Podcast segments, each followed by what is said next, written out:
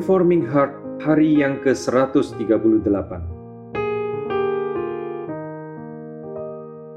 Renungan ini diambil dari website pemuda.stemi.id.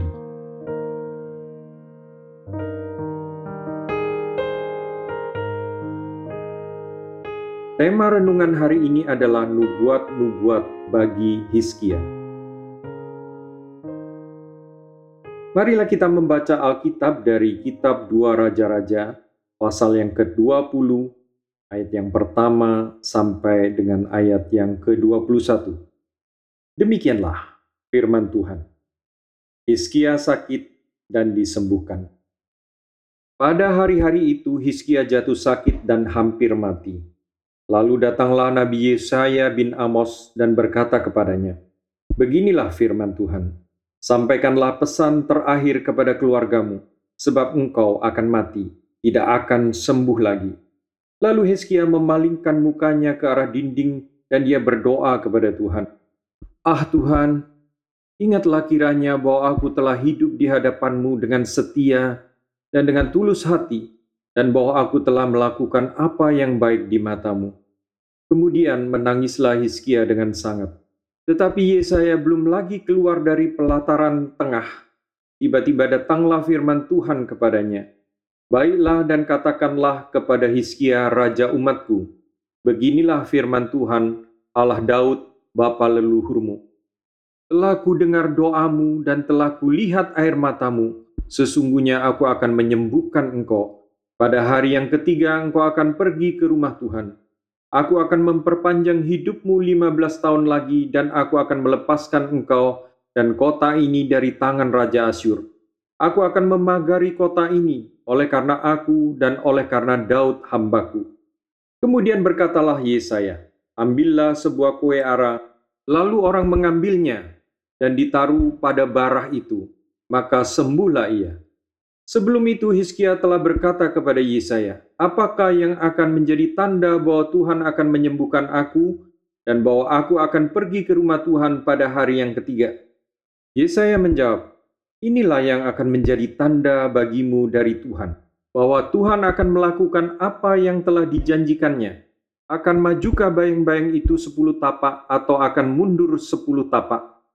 Hizkia berkata, "Itu perkara ringan bagi bayang-bayang itu untuk memanjangkan sepuluh tapak, sebaliknya biarlah bayang-bayang itu mundur ke belakang sepuluh tapak. Lalu berserulah Yesaya kepada Tuhan, maka dibuatnyalah bayang-bayang itu mundur ke belakang sepuluh tapak yang sudah dijalani bayang-bayang itu pada petunjuk matahari buatan Ahas. Pada waktu itu Merodah Baladan bin Baladan Raja Babel menyuruh orang membawa surat dan pemberian kepada Hizkia sebab telah didengarnya bahwa Hizkia sakit tadinya. Hizkia dan para utusan dari Babel.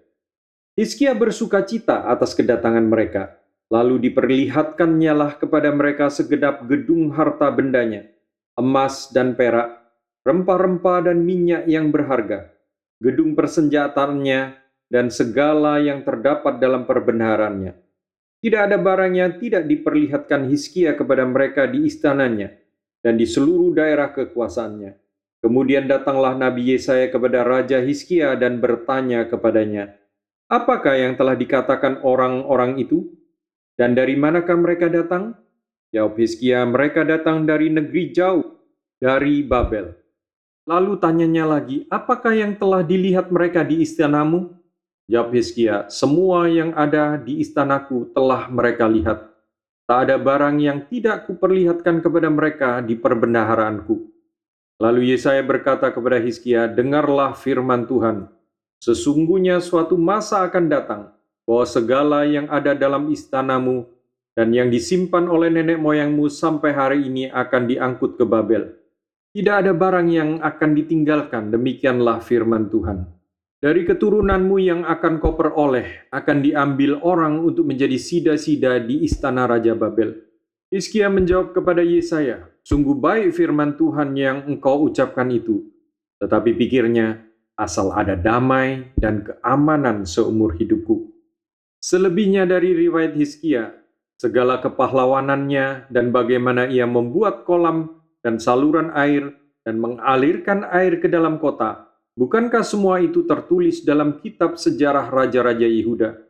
Kemudian Hizkia mendapat perhentian bersama-sama dengan nenek moyangnya, maka Manasye anaknya menjadi raja menggantikan dia. Mari kita merenungkan semua firman yang telah kita baca di atas. 2 Raja-Raja 21 ayat yang pertama mengatakan bahwa Manasye anak Hizkia berumur 12 tahun pada waktu dia menjadi raja. Manasye kemudian memperanakkan Amon dan Amon memperanakkan Yosia, raja yang telah dinubuatkan Tuhan sejak zaman Yerobeam anak Nebat. Di 1 Raja-Raja 13 ayat 2. Mengapa ini harus dibahas? Untuk menunjukkan bahwa Tuhan telah berencana untuk memberikan tambahan 15 tahun usia kepada Hizkia di dalam dua raja-raja yang ke-20 ayat ke-5 sampai ke-6. Jika Manasye berusia 12 tahun pada waktu ia menjadi raja, maka ketika Hizkia sakit dalam ayat yang pertama, dia belum ada. Jika Hizkia benar-benar mati seperti yang dikatakan Tuhan dalam ayat yang pertama, maka Manasye tidak akan pernah dilahirkan. Berarti Tuhan bermaksud untuk memperpanjang hidupnya, karena memang anak yang akan meneruskan tahtanya belum ada.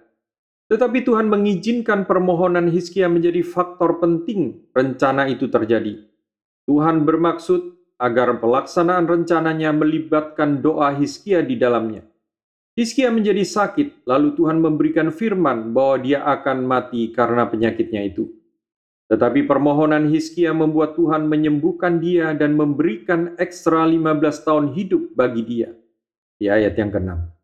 Begitu besarnya Tuhan mengasihi Hizkia sehingga dia mengizinkan ada tanda ajaib untuk menunjukkan bahwa apa yang difirmankannya benar-benar akan terjadi. Di ayat yang ke-10 mengatakan bahwa jam matahari buatan Ahas menjadi mundur 10 tapak karena jam itu adalah jam matahari yang mengandalkan bayangan akibat terpaparnya sinar matahari sebagai petunjuk. Maka ketika jam itu mundur, ini berarti bahwa matahari juga mundur. Tuhan mengizinkan ini menjadi tanda demi memberikan tanda bahwa nubuatannya tentang Hizkia benar-benar akan terjadi. Nubuatan yang kedua yang Tuhan berikan kepada Hizkia melalui Nabi Yesaya adalah mengenai Babel. Di ayat yang ke-12 dan ke-13 menunjukkan bahwa Hizkia menjalin relasi yang dekat dengan Raja Babel. Ini bisa dimaklumi karena pada tahun-tahun itu Babel, sebuah kerajaan di sebelah tenggara Asyur, adalah kerajaan yang memusuhi Asyur. Babel mengikat perjanjian dengan kerajaan Media untuk memberontak dari kuasa Asyur dan beberapa kali memerangi Asyur.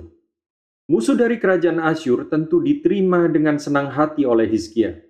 Hizkia menerima Raja Babel dan menunjukkan harta benda dan persenjataannya kepada Raja Babel.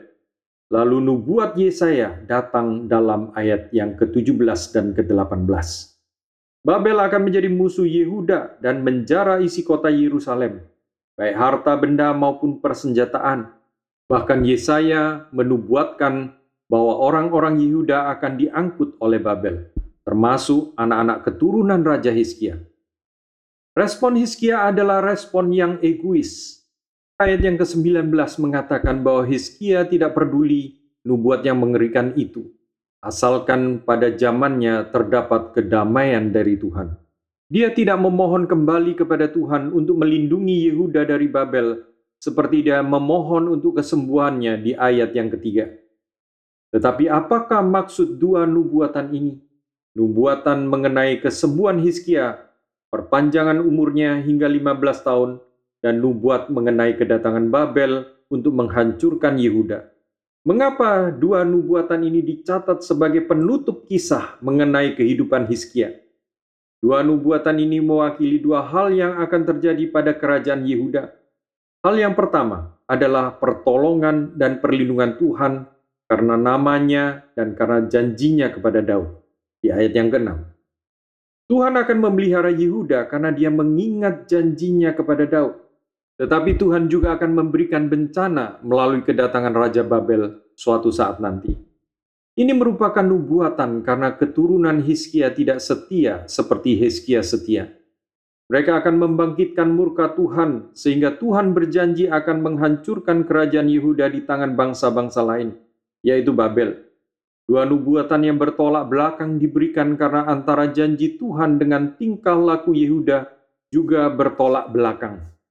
Berdasarkan janji setianya, maka Tuhan akan memelihara tahta kerajaan Yehuda. Tetapi berdasarkan ketidaksetiaan Yehuda kepada Tuhan, maka Tuhan murka dan membuang mereka. Marilah kita merenungkan. Dua hal yang menjadi pokok renungan kita untuk bagian ini. Yang pertama adalah kesetiaan Tuhan kepada perjanjiannya membuat kita yang beriman kepada Kristus berada dalam posisi yang aman. Tuhan tidak akan melupakan janjinya dan kita tidak akan mungkin gagal dipelihara oleh Tuhan. Tuhanlah juru selamat dan penolong kita berdasarkan janjinya kepada kita. Karena Tuhan adalah Allah yang berkuasa, setia, dan berjanji, maka kita memperoleh pengharapan yang kuat bahwa dia akan terus menjadi Tuhan dan juru selamat kita. Inilah pernyataan nubuatan yang pertama. Tuhan berjanji memberikan 15 tahun hidup tambahan kepada Hizkia. Bahkan memberikan tanda supranatural untuk janji ini, supaya di dalam 15 tahun tambahan ini Hizkia mempunyai keturunan yang akan meneruskan tahta kerajaan dan di dalam 15 tahun tambahan ini juga Asyur akan dihancurkan oleh Tuhan. Tuhan menyatakan dirinya sebagai pihak yang dengan setia melaksanakan bagian dari perjanjian itu dengan rela. Tuhan melakukan demi namanya dan demi Daud pada ayat yang ke-6. Demikian juga dengan hidup kita bersama dengan Tuhan. Tuhan akan melaksanakan bagiannya di dalam perjanjiannya dengan kita sehingga kita menjadi umatnya yang menikmati kesetiaannya terhadap apa yang telah dia janjikan. Keselamatan, status sebagai anak-anaknya, dan penyertaannya seperti seorang bapa yang baik menyertai anaknya semua ini adalah bagian dari janjinya kepada kita. Karena namanya dan karena Kristus anaknya. Kita dapat memastikan janjinya tidak ada yang tidak dia laksanakan. Tetapi nubuatan kedua juga harus menjadi bahan renungan kita. Tuhan berjanji akan menghukum Yehuda karena akan terbukti melalui dua raja Yehuda setelah Hizkia, Yehuda gagal melaksanakan bagiannya dalam perjanjian. Mereka gagal mengerjakan hal yang paling utama, yaitu jangan ada ilah lain di hadapan Tuhan. Mereka menyembah berhala-berhala dan meninggalkan perjanjian dengan Tuhan. Itu sebabnya nubuat pembuangan harus dinyatakan oleh Tuhan.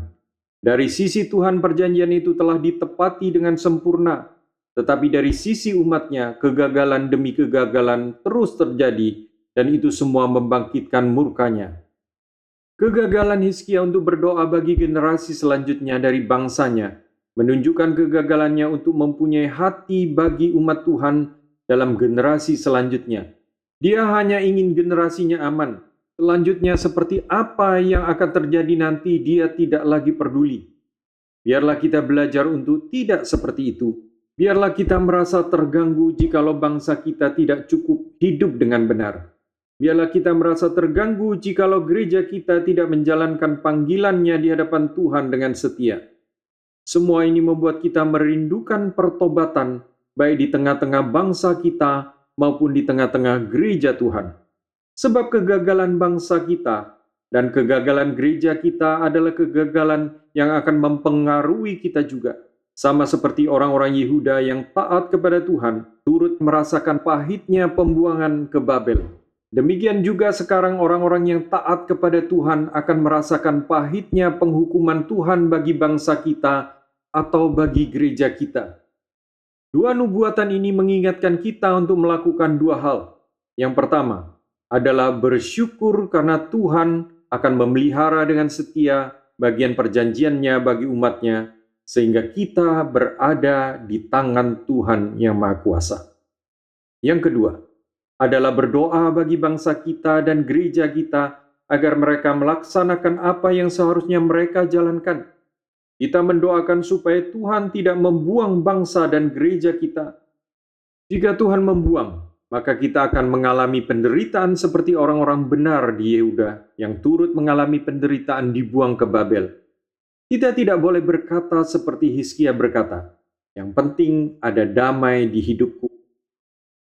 Pertanyaan renungan, apakah hati kita senantiasa bersyukur untuk janji keselamatan yang telah Allah berikan di dalam Kristus? Apakah ucapan syukur itu dibarengi dengan doa syafaat bagi bangsa dan gereja kita?